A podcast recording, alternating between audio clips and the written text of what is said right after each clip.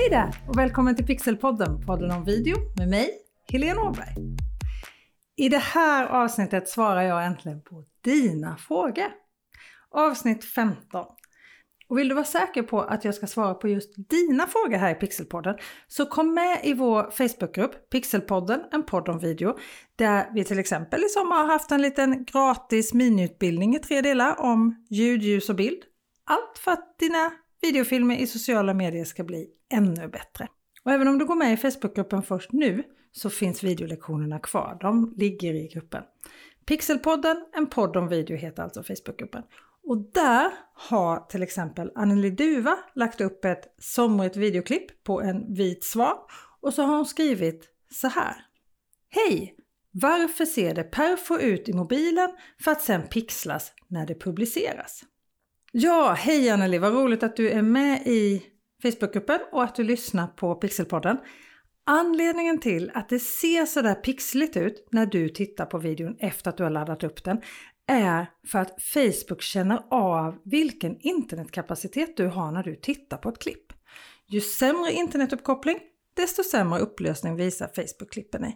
Så när du tittade på ditt klipp första gången så hade du lite sämre uppkoppling. När du nu har tittat på det igen, för jag har haft kontakt med Anneli, så såg det bra ut. Och då var du på en plats där du hade bättre uppkoppling. När jag tittar på det så är svanen jättefin, den är inte pixlig överhuvudtaget. Och det här är ju förstås någonting som du bör ha i åtanke. Var finns din målgrupp? Hur kommer de uppleva dina video i sociala medier? För det är inte bara Facebook som känner av det här, det är flera plattformar som känner av just det här. Hur bra internetuppkoppling har mottagaren? Vilken upplösning ska videoklippet visas i? Nästa fråga kommer också från Facebookgruppen Pixelpodden, en podd om video och den kommer från Ulrika Ottosson Kågård. Hon skriver så här. Givande och inspirerande. Tack snälla Ulrika för fina ord. Jag undrar om du kunde ge tips hur du hanterar inspelat material från mobilen i stunden. Själv använder jag tjänster på nätet för att mejla inspelade klipp till mig själv. Lite bökigt dock. Riktigt bra fråga Ulrika. Vi är många som kämpar med att flytta videofiler hit och dit. Och nu skriver inte du vad du har för telefon eller vad du har för dator, vilket gör att det blir lite knepigare att svara exakt på din fråga. Men jag ska gå igenom några olika alternativ så hoppas jag att du hittar något som passar dig.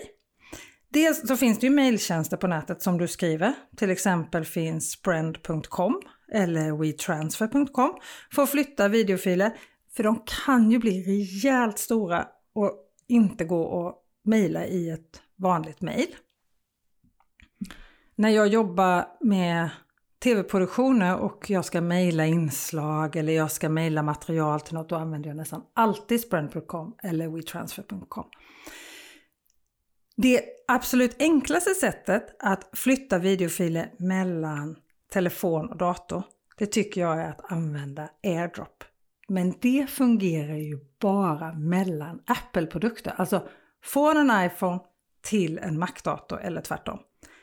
Det använder jag otroligt mycket själv. Nu har jag iPhone och jag har Mac. Jag har också en Android-telefon. Men då gör jag på ett annat sätt som jag kommer gå igenom här. Men datorn och telefonen måste vara nära varandra för att det här ska fungera. Och du klickar liksom på din videofil och AirDrop och Bluetooth måste vara påslaget. Det här finns massa instruktioner hur du använder exakt. Något annat som jag använder väldigt mycket också, det är Dropbox. Jag laddar upp videofilerna till Dropbox från telefonen och sen når jag dem från datorn också.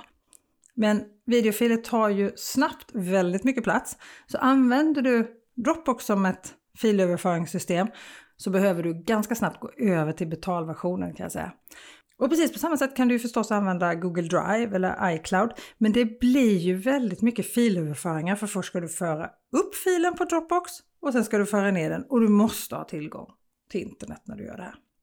Ett annat sätt att föra över filer mellan telefon och dator det är att använda en app som heter VLC. Den finns både till iPhone och till de flesta Android-telefoner fungerar den på i alla fall. Då kan du kopiera dina filer i telefonen till VLC-appen och sen så lägger du upp dem i en mapp som heter VLC och sen har appen en funktion som heter dela via wifi och där står det en webbadress som du går till på din dator och där kan du ladda ner de filmer som du har kopierat då internt på telefonen till din VLC-app. Men både telefonen och datorn måste vara på samma nätverk för att det här ska fungera. Och så kan du ju förstås föra över med sladden. Har du sladden med dig och har en Android-telefon så kopplar du din telefon till din dator och så på telefonen så väljer du ladda den här enheten via USB brukar det stå och sen väljer du använd USB för file transfer eller för filöverföring. Och sen drar du filerna från din Android till din dator via ett fönster på datorn. Funkar otroligt enkelt. Har du en iPhone och en PC och kopplar ihop dem med kabeln så måste du se till att telefonen är upplåst och så kommer den upp som en hårddisk under min PC. Så klickar du på iPhonen och sen hamnar dina bilder i någonting som heter DCIM i en mapp. Där brukade mappen heta 100 Apple eller 101 Apple eller någonting sånt där. Och så väljer du de filerna som du vill flytta och så drar du dem dit där du vill ha dem. Och du kan också använda iTunes. På PC funkar det fortfarande väldigt bra att använda iTunes. Där kan du fildela genom att flytta filmen du vill flytta till en annan app på telefonen genom att hålla fingret på filen och sen välja share eller dela och välja den appen som du då har, till exempel VLC. Och sen på iTunes så väljer du fildelning och i den appen du har valt så finns den då så att du kan välja spara. Det här blir ganska tydligt när du väl har iTunes. Det låter lite så här krångligt när jag förklarar det så här. Men du kan alltså antingen koppla en kabel mellan telefonen och datorn och sen dela filerna. Eller använda VLC-appen, AirDrop om du har en iPhone och en Mac. Du kan använda Sprint.com, WeTransfer.com eller Google Drive, Dropbox eller iCloud. Och jag hoppas förstås Ulrika att du hittar åtminstone ett bra sätt av något av de här förslagen. Elisabeth Flykt har varit en flitig användare av eh, Pixelpod-gruppen. I juli så skrev hon så här till mig. Inspirerad av dig Helene Åberg och din utmärkta kortkurs så jag började prova att göra film med mobilen, en iPhone 8 häromveckan. Åh vad roligt Elisabeth, jag blir så otroligt glad. Den här kursen som Elisabeth skriver om är ju alltså den som jag pratade om i början som fortfarande finns att se i Pixelpoddens Facebookgrupp. Så leta upp den på Facebook och ansök om att få vara med så släpper jag in dig i gemenskapen så snart jag ser det. Elisabeth skriver vidare. Jag provade alla effekter i en film bara för att börja lära mig och det var kul, lärorikt och bra. Men dagen efter skulle jag göra en mer meningsfull film och då hade programmet ändrat sig. Alla klipp jag nu lägger till på tidslinjen visas som fyrkanter. De är ju jättesmå. Och så har hon bifogat en bild och så visar hon hur det ser ut på bilden. Och det blir ursvårt att ändra start och stopp med mera. Har jag gjort någon inställning utan att märka det? Någon som vet vad jag kan göra för att få tillbaka de proportionerligt långa klippen? Ja, Elisabeth, det är otroligt lätt att tro att allt är ändrat eller att du har kommit åt något. Men det är faktiskt en riktigt bra funktion i iMovie som du nu har drabbats av kan man ju säga. Och den här funktionen finns i många andra redigeringsappar i mobilen som till exempel Rush eller Power Director för Android-telefoner. Det du gör Elisabeth är att du tar två fingrar och förstora timelinen precis på samma sätt som du förstorar en bild på telefonen. Alltså om du vill zooma in i en bild så ser du klippen så som du såg dem innan. Drar du ihop fingrarna så ser du alla klipp och får en överblick över hela din video. Men drar du ut fingrarna eller drar isär fingrarna så ser du lättare varje klipp. Och efter att Elisabeth ställde den här frågan så har hon fortsatt att jobba med video och återkommit med fler frågor i vår Facebookgrupp, Pixelpodden, en podd om video, som du också förstås är mer än välkommen att komma med i. Det hoppas jag du har förstått nu. Elisabeth Flykt skriver i sitt nästa inlägg jag la på musik på ett projekt idag från biblioteket Ljudspår. Problemet är att det lägger sig över hela projektet och jag lyckas inte dra ner det så att det bara täcker vissa klipp. Jag skulle vilja tona ner och upp på olika delar av mitt projekt. Då är det så här Elisabeth, det du måste göra för att kunna justera nivån så att den är olika hög på det här ljudspåret på olika ställen under videon är att du får göra som ett klipp i ljudet. Det vill säga du får ställa dig där du vill att ljudnivån ska ändras och så välja dela upp så delar sig ljudspåret i två delar och sen justerar du ljudnivån ett och ett så som du vill att det ska vara. Och så fortsätter Elisabeth. Jag vill kombinera egna inspelade ljud, musik från biblioteket ljudspår plus kanske en voiceover. Det skulle jag vilja höra mer om i podden Helene. Och det ska du få göra här Elisabeth. Det som är viktigt när du kombinerar flera olika ljud är tydligheten. Du kan absolut ha flera olika ljudspår. Musiken från biblioteket lägger sig på till exempel ett eget spår och ljudet som du spelar in med bilden ligger på ett ljudspår och om du lägger på en voiceover som du nämner att du till exempel vill ha så lägger den sig på ett tredje ljudspår. Men du måste justera varje ljudspår för sig. Och mitt absolut största tips här är att lyssna noga både med lurar och utan hörlurar för att verkligen höra att allt det du då säger i till exempel voiceovern eller det som sägs på det inspelade materialet verkligen hörs. För dåligt ljud, det står vi ut med otroligt kort tid. Vi är jättesnabba på att stänga av dåligt ljud. Och Elisabeths sista fråga är om det är möjligt att ställa in hur lång tid ett foto ska visas. Och visst är det så, visst kan du göra det Elisabeth. Vill du att ett foto ska visas längre än vad det blir by default när du lägger till en stillbild så drar du bara ut klippet så att det blir längre. Ta tag i kanten och dra det så länge som du vill ha det. Vill du ha det kortare så drar du det på samma sätt som du gör med en videobild tills det blir så kort som du vill ha det. Du tar tag i kanten och så drar du det till kort. Eller ställer dig där du vill att det ska sluta och väljer dela upp och sen slänger den biten som du helt enkelt inte vill ha. Nästa fråga kommer från Nina Larsson som hörde av sig till mig häromdagen och bad om tips inför att filma en konferens. Och det är ju en otroligt stor fråga. Det finns ju mängder med saker att tänka på när det gäller en sån sak. Men det var två saker som jag direkt tänkte på när jag läste Ninas fråga och det var ljudet och närbilder. Ljudet är, precis som jag sa alldeles nyss här till Elisabeth, otroligt viktigt. Vi står ut länge med en dålig bild, men vi stänger av i stort sett direkt när ljudet är dåligt. För ljudet påverkar våra känslor så otroligt direkt så att vi blir nästan fysiskt illamående. Vi blir i alla fall irriterade av ett dåligt ljud. Och då på sociala medier, då swipar vi bort direkt.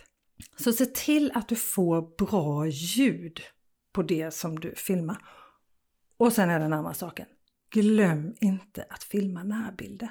Det är så otroligt lätt att komma hem från en sån här tillställning med massor med stora bilder på människor och stora lokaler och så här, men inga närbilder.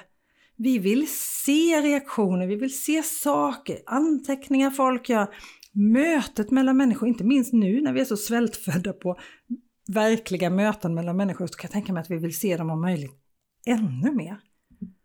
Och det är ju i närbilderna som känslorna i video verkligen kommer fram och det är här video har sina otroliga fördelar.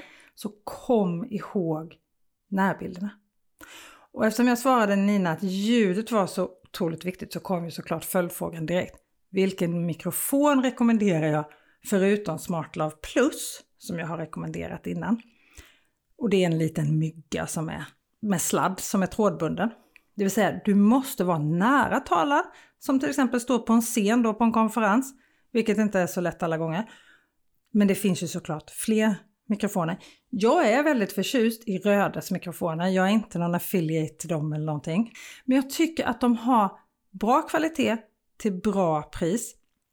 Och för att spela in ljudet från en föreläsare med en telefon så skulle jag nog rekommendera en Wireless Go. Det är liksom en trådlös mygga som du sätter på föreläsaren och så har du en mottagare på din telefon. Och den kan du också koppla ihop med en SmartLav Plus om du vill. Så att, ja, Röde har flera olika varianter och jag tycker att de är prisvärda för den kvaliteten som man får. Ola Andersson har mejlat till mig på mejladressen helene pixelhouse.se och han undrar över streamingprogram för livesändningar på webben. Han skriver så här. Tack för en bra podd Helene. Ja, tack själv Ola för att du lyssnar. Jag är så otroligt glad att du vill lyssna. Jag ska börja sända livestreamar och undrar vilket liveprogram du tycker är bäst. Ja, det finns ju otroligt många och det kommer nya hela tiden. Jag har ju som princip att jag bara rekommenderar saker som jag själv har använt. Och de programmen som jag har provat, för jag förutsätter att du nu vill livestreama på sociala medier, Ola. Jag hoppas att det är så. För de programmen som jag har testat då, då är det OBS, Ecam, StreamYard och Wirecast. Och vilket du ska använda, alla de här programmen är bra på olika sätt. Men det vilket du ska använda handlar egentligen lite om vad är det du ska göra och var ska du sända. OBS är gratis. Väldigt bra program tycker jag. Otroligt stabilt, du kan göra det riktigt bra. Men det kräver att du ställer in allt själv. Bitrate, streaming, nycklar, allting. Jag har sänt jättemycket live på till exempel Facebook med OBS. Jag tycker att det är jättebra. Det har till exempel en väldigt bra preview så att du ser vad som kommer härnäst. Som till exempel ICAM, mitt andra förslag, saknar. OBS funkar också om du vill livestreama på till exempel Youtube. ICAM däremot, det är mycket lättare att förstå, det är mycket lättare att använda. Det är inte gratis men det är heller inte speciellt dyrt. Men det finns bara för Mac-användare. Men har du Mac Ola så är det ett riktigt bra alternativ för livesändningar på till exempel Facebook och Youtube. Ska du däremot till exempel sända på LinkedIn eller ha en PC så är StreamYard ett bra och prisvärt alternativ. StreamYard funkar absolut på Mac också. Det är ett webbaserat program så det funkar på alla datorer. Det är enkelt att använda och med StreamYard kan du dessutom sända live på flera plattformar samtidigt. Alltså du kan sända både på LinkedIn, Youtube och Facebook samtidigt. Sen finns ju Wirecast och det är mer avancerat streamingprogram som också funkar för till exempel LinkedIn. LinkedIn har ju valt ut några streamingprogram som de godkänner, varav Wirecast och StreamYard då är två av dem. Jag kan tycka att Wirecast är att gå lite över ån efter vatten för att det kostar lite mer och många gånger så använder du inte allt det som det kan göra. Så det handlar om vad ska du sända och vad ska du sända? Hur mycket tid och hur mycket pengar vill du lägga ner Ola? Det är det som avgör. Men det här är fyra bra alternativ i alla fall. Jag har också fått mail från Mustafa på helene pixelhouse.se. Mustafa skriver Hej Helene! Tack för att vi får ställa frågor till dig. Ja, tack själv. Jag undrar vilka fördelar och nackdelar du tycker att Youtube har. Mitt företag finns inte på Youtube än. Jag använder Instagram och Facebook nu och det fungerar bra. Men min bror tycker att jag ska ha en Youtube-kanal. Vad tycker du? Ja, först, först och främst vill jag säga Mustafa att det är ju jag som ska tacka för utan era frågor hade jag inte haft några svar att ge och då hade det inte blivit mycket till Q&A eller frågestund här i Pixelpodden, en podd om video. Jag är så otroligt glad för alla frågor. Nu skriver du inte vad det är för företag du har, men jag är nog ändå benägen att hålla med din bror. Fördelarna med Youtube är ju definitivt att det är sökbart. Dels via Youtube, som är världens näst största sökmotor, och så ägs det av Google, vilken är den största sökmotorn i hela världen. Och alla företag vill ju bli hittade i sin nisch eller sitt område, oavsett vilket företag du har. Och dessutom kan du bädda in videon från Youtube på till exempel din blogg eller så om du har en sån. Till skillnad från Instagram och Facebook som du skrev att du använde så är ju en video på Youtube inte borta efter några timmar eller kanske i bästa fall några dagar som det faktiskt är på Instagram. Utan den kan ju dyka upp för någon som söker på det du gör video om långt efter. Sen frågar du efter nackdelar. Ja, jag vet inte om det finns några direkta nackdelar. Men Youtube är lite annorlunda mot alla andra sociala plattformar och har lite sina egna spelregler. Men lyssna gärna på avsnitt 6 här i Pixelpodden, podden om video, där jag pratar mer om varför alla företag i stort sett borde finnas på Youtube. Så mitt svar Mustafa är lyssna på brorsan. Och är du intresserad av att hänga med när jag utvecklar min kanal på Youtube, min resa mot 1000 prenumeranter, så delar jag med mig om vad som funkar för mig, vad som inte funkar. För nu har jag äntligen startat min egen Youtube-kanal, Helene Åberg Stockholm Pixel House. Jag gjorde det i somras och efter att ha pratat hur mycket som helst om alla fördelar med Youtube till olika kunder och företag jättelänge. Så vill du så gå gärna in på Youtube och prenumerera på kanalen om du vill ha mer videotips. Jag länkar till både Youtube-kanalen och min resa med tips från 0 till 1000 prenumeranter på webbsidan som tillhör det här avsnittet. Linda Malmqvist skrev till mig på Stockholm Pixel House Facebook-sida. Är det stående eller liggande format på Facebook? Hjärnsläpp. Ja, det är inte helt lätt att hålla reda på Linda, man behöver inte riktigt få hjärnsläpp för det. Men den stora frågan är, hur använder dina kunder Facebook? Är det via datorn? Eller är det via telefonen? Är det i telefonen så är det ju stående eller möjligen 4-5 format. Alltså det är lite högre än vad det är brett. Och finns dina kunder på datorn, då är det liggande format som är det bästa på Facebook. Så det handlar om att lära känna sin målgrupp. Och jag pratade alldeles nyss om min Youtube-kanal här. Och det finns faktiskt en film på just min Youtube-kanal Helene Åberg Stockholm Pixel House som går igenom exakt det här med format. Den heter stående, liggande eller fyrkantig video. För det finns ju ett format som funkar otroligt bra i sociala medier som varken är stående eller liggande utan det är helt fyrkantigt, ett till ett formatet. Men kolla gärna på den videon. Jag länkar till den också på webbsidan till det här poddavsnittet pixelhouse.se avsnitt 15.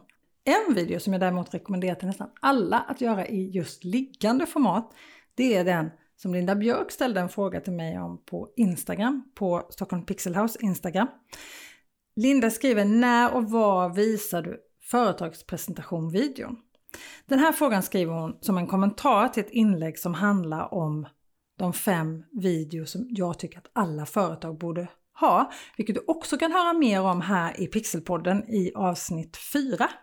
Lindas fråga var inte alls riktad som fråga till det här poddavsnittet, men jag tänkte ändå svara på den här, för vi har ju haft just det här med de här fem filmerna som alla borde använda sig av uppe här i podden innan. Kundrecension, personlig presentation, produktpresentation, videoannons till sociala medier och så just företagspresentationen. Och just företagspresentationen som Linda frågar om är en video som kanske den kan hålla i flera år. Det är en video som visar vad ditt företag står för och som berättar en historia om företaget. Den använder du framförallt på din hemsida eller som en presentationsvideo på Youtube. Den är en och en halv, två minuter lång kanske. Den lever ju dessutom så länge så den kan du med fördel låta produceras av till exempel ett produktionsbolag. De andra fyra filmerna som jag pratar om här, de här fem filmerna som alla företag borde ha, den kan du göra själv. Jag ska erkänna den här femte filmen, företagspresentationen. Jag har den inte själv. Den ska bli av, jag lovar, men jag har den inte, jag ska erkänna det. Men eftersom den ligger på hemsidan så är ju chansen större att dina kunder tittar på den i en dator eller att de verkligen söker upp den här filmen. Och är det så att du har en målgrupp som är mobilanvändare ute i fingerspetsarna så kan man ju fundera på om den ska vara stående eller liggande. Men eftersom de söker upp den så är det ändå större chans. De har kommit till din hemsida, de har sökt efter ditt företag, de har gått till din hemsida och där får de se en video. Då är det ändå större chans att de vrider på telefonen än att du skulle dyka upp på Instagram stories med en liggande video för då kan du garantera att du swipas bort. Men svaret på frågan är att det här är en video som finns på hemsidan eller som presentation på Youtube. Sen har Jan Jösbäck skrivit till mig på LinkedIn med en invändning som jag har ibland. Han skriver så här. Jag läser om en del som inte upplever att effekten av video motsvarar insatsen. Och där ska jag säga Jan att det finns, inte minst på LinkedIn, bland en hel del svenska användare skulle jag säga, ett litet motstånd mot att börja med video i sina kanaler. Att det är för mycket jobb att göra video och att det får för liten effekt i flödet på LinkedIn.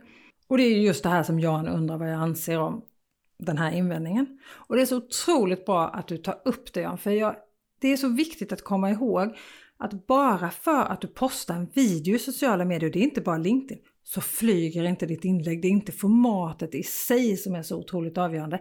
Det måste ju ha ett bra innehåll, precis som alla inlägg. Men just på LinkedIn så räknas tyvärr inte videoinläggsvisningar på samma sätt som visningar för ett textinlägg eller ett bildinlägg. Utan det räknas på ett helt annat sätt. Så du ser inte hur stor spridning det får gentemot andra typer av inlägg. Eller kanske tvärtom, du ser inte hur många som verkligen ser ditt text och bildinlägg egentligen.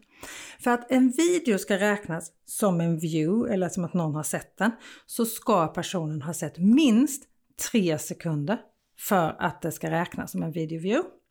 Men när det handlar om text eller bild och text så behöver inlägget bara scrollas förbi i flödet. Alltså du kan se den, ja inte ens en sekund. Du behöver inte ens ha sett det egentligen för du behöver bara ha swipat förbi det. För att textinlägg ska räknas. Har det swipats förbi i ditt flöde så räknas det som att du har sett det. Jag märker stor skillnad på mina videoinlägg och mina textbildinlägg på LinkedIn. Det är inte alltid så att videorna engagerar mer eller får mer likes eller kommentarer eller views oavsett hur man räknat. Men de har alltid mer interaktioner från personer utanför mitt nätverk. Vilket jag tycker är otroligt värdefullt. Jag vill ju prata med både de som är i mitt nätverk på LinkedIn, jag vill skapa förtroende, jag vill skapa engagemang och jag vill att de ska komma ihåg både mig och det som jag gör videon om efter att de har stängt ner appen. Vilket det finns massa belägg för att video verkligen hjälper till med. Och så vill jag ju nå dem som jag inte har connectat med än. Och där har video hjälpt mig otroligt mycket på LinkedIn. Så svaret på din fråga Jan är att jag tycker att video är absolut värt besväret att göra på LinkedIn. Och det här med att en dålig video skulle skada varumärket, det är ju inte som att man slutar skriva inlägg bara för att man inte är en fullfjädrad copywriter. Jag har fortfarande inte sett någon som har skadat sitt företags varumärke genom att posta video på LinkedIn.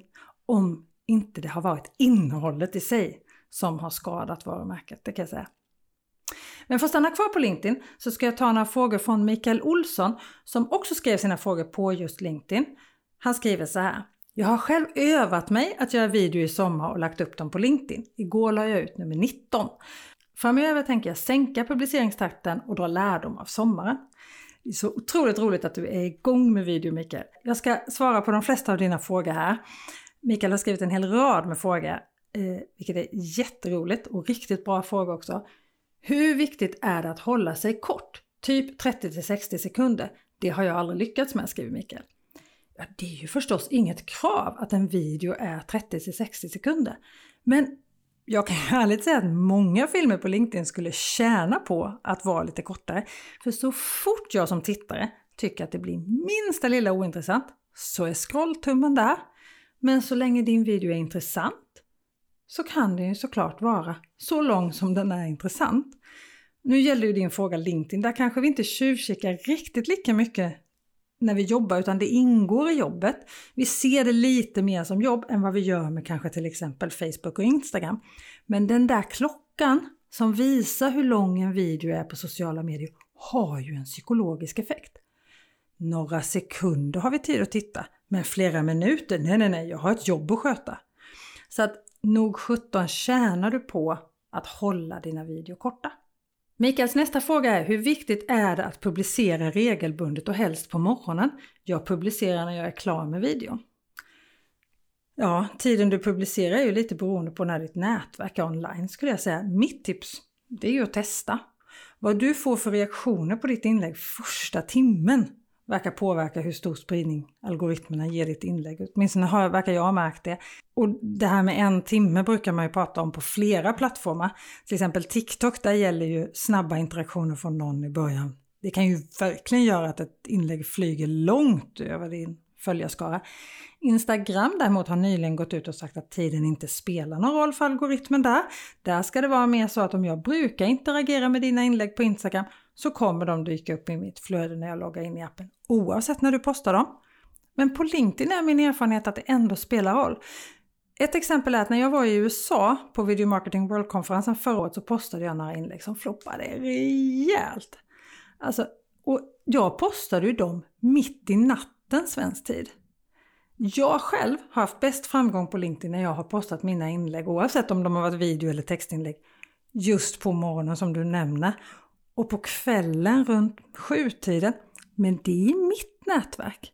Du måste testa vad som funkar för dig. Mikael har en fråga om kamerans höjd.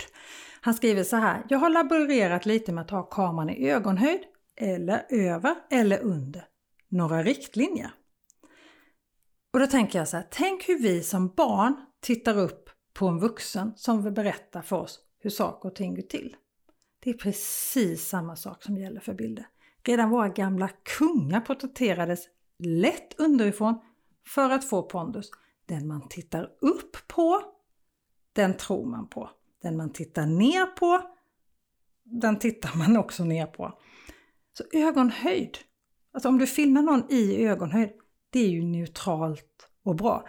Lätt underifrån kan också ge dig lite mer pondus, men det får inte bli för mycket. För då blir det nästan lite töntigt. Men filmar du dig ovanifrån, då sänker du ditt eget förtroende. Och Mikael går vidare här till text. Texta på svenska, är det nödvändigt? Jag har gjort så många filmer att jag inte tagit mig tid att lära mig detta. Ja, Mikael, många tittar ju på video i sociala medier utan ljud och då är ju text bra. Jag personligen textar i stort sett allt jag lägger upp på LinkedIn, på Facebook och på Instagram. På Youtube och TikTok verkar det inte vara riktigt lika känsligt eftersom fler tittar med ljud där. Men sen kan man ju texta ur en ren servicesynpunkt till de som inte kan ta till sig materialet annars. Så mitt råd är nog så här, ja, texta. Du kommer inte förlora på att texta. Det tar lite tid men på LinkedIn, Facebook och Instagram definitivt så kommer du tjäna på det. Och då har jag kommit fram till den här frågestundens näst sista fråga. Den kommer från Eva som mejlade mig också till helene pixelhouse.se. Hon skriver så här. Hej Helene! Mina barnbarn säger att jag måste börja med TikTok. Vet ju knappt hur det funkar men de får väl lära mig. Men vad ska jag tänka på när det gäller video på TikTok? Ja Eva, TikTok, denna omskrivna sociala medieplattform. Jag skulle säga att det är precis samma sak på TikTok som på alla andra plattformar. Du behöver ett anslag. Du har två sekunder på dig att fånga tittaren. Du behöver ett bra innehåll och du behöver en call to action. Alltså någonting. Vad vill du att tittaren ska göra, komma ihåg, tänka på när din video är slut? Är det följ mig? Är det kommentera? Är det svara på någonting? Är det gå till en hemsida? Är det bara fundera på någonting? Vad vill du att tittaren ska göra? Men på TikTok är det också viktigt att hålla videon kort. Det går att göra 60 sekunders video på TikTok. Men 15 sekunder är nog väldigt bra, framförallt i början, att nå ut med. Det har varit väldigt mycket TikTok i media just nu. Det är en rolig plattform måste jag säga. Jag är helt ny på TikTok själv. Jag har bara några få videor där. Men trots att jag har ett par hundra följare så har en av dem fått otroliga 70 000 views. Och den spridningen utanför ditt eget nätverk, den får du ju inte någon annanstans. Av de sociala medieplattformar som jag känner till i alla fall. Däremot ska man komma ihåg Eva att TikTok har ett otroligt mycket hårdare klimat än till exempel LinkedIn, även om det ibland kan bli lite sandlådenivå även där tycker jag. Men det går fortfarande att få spridning långt utanför sin följarskara på TikTok. Det är en rolig plattform, det är kul, jag kan fastna och bara sitta och titta på klipp där. Jag tycker verkligen att det är riktigt roligt. Och så den allra, allra sista frågan. Det här är en fråga som jag får så ofta att jag inte ens kan räkna hur många gånger jag har fått den. Vilken kamera är bäst att göra video med? Och mitt svar är alltid detsamma. Den du är mest bekväm med. Den som gör att det blir av. För de bästa filmerna är de som blir gjorda. Det går inte, det går inte att säga något annat. Du kan filma med telefonen, du kan filma med en Canon M50, du kan filma med en Sony Alpha, du kan filma med en... Ja, vilken kamera som helst, det spelar ingen roll. Det är vad du gör med den som betyder någonting. Så filma med det du har. Det var sista frågan. Och nu skulle jag vilja be dig om en supertjänst. Om du skulle kunna tänka dig att gå in på iTunes på podcaster och ge en recension till Pixelpodden. Skriv gärna några rader också. Jag vill ju så gärna, fem stjärnor är ju fantastiskt att få, men alla recensioner och skriv gärna några rader vad du tycker. Jag skulle bli så otroligt glad.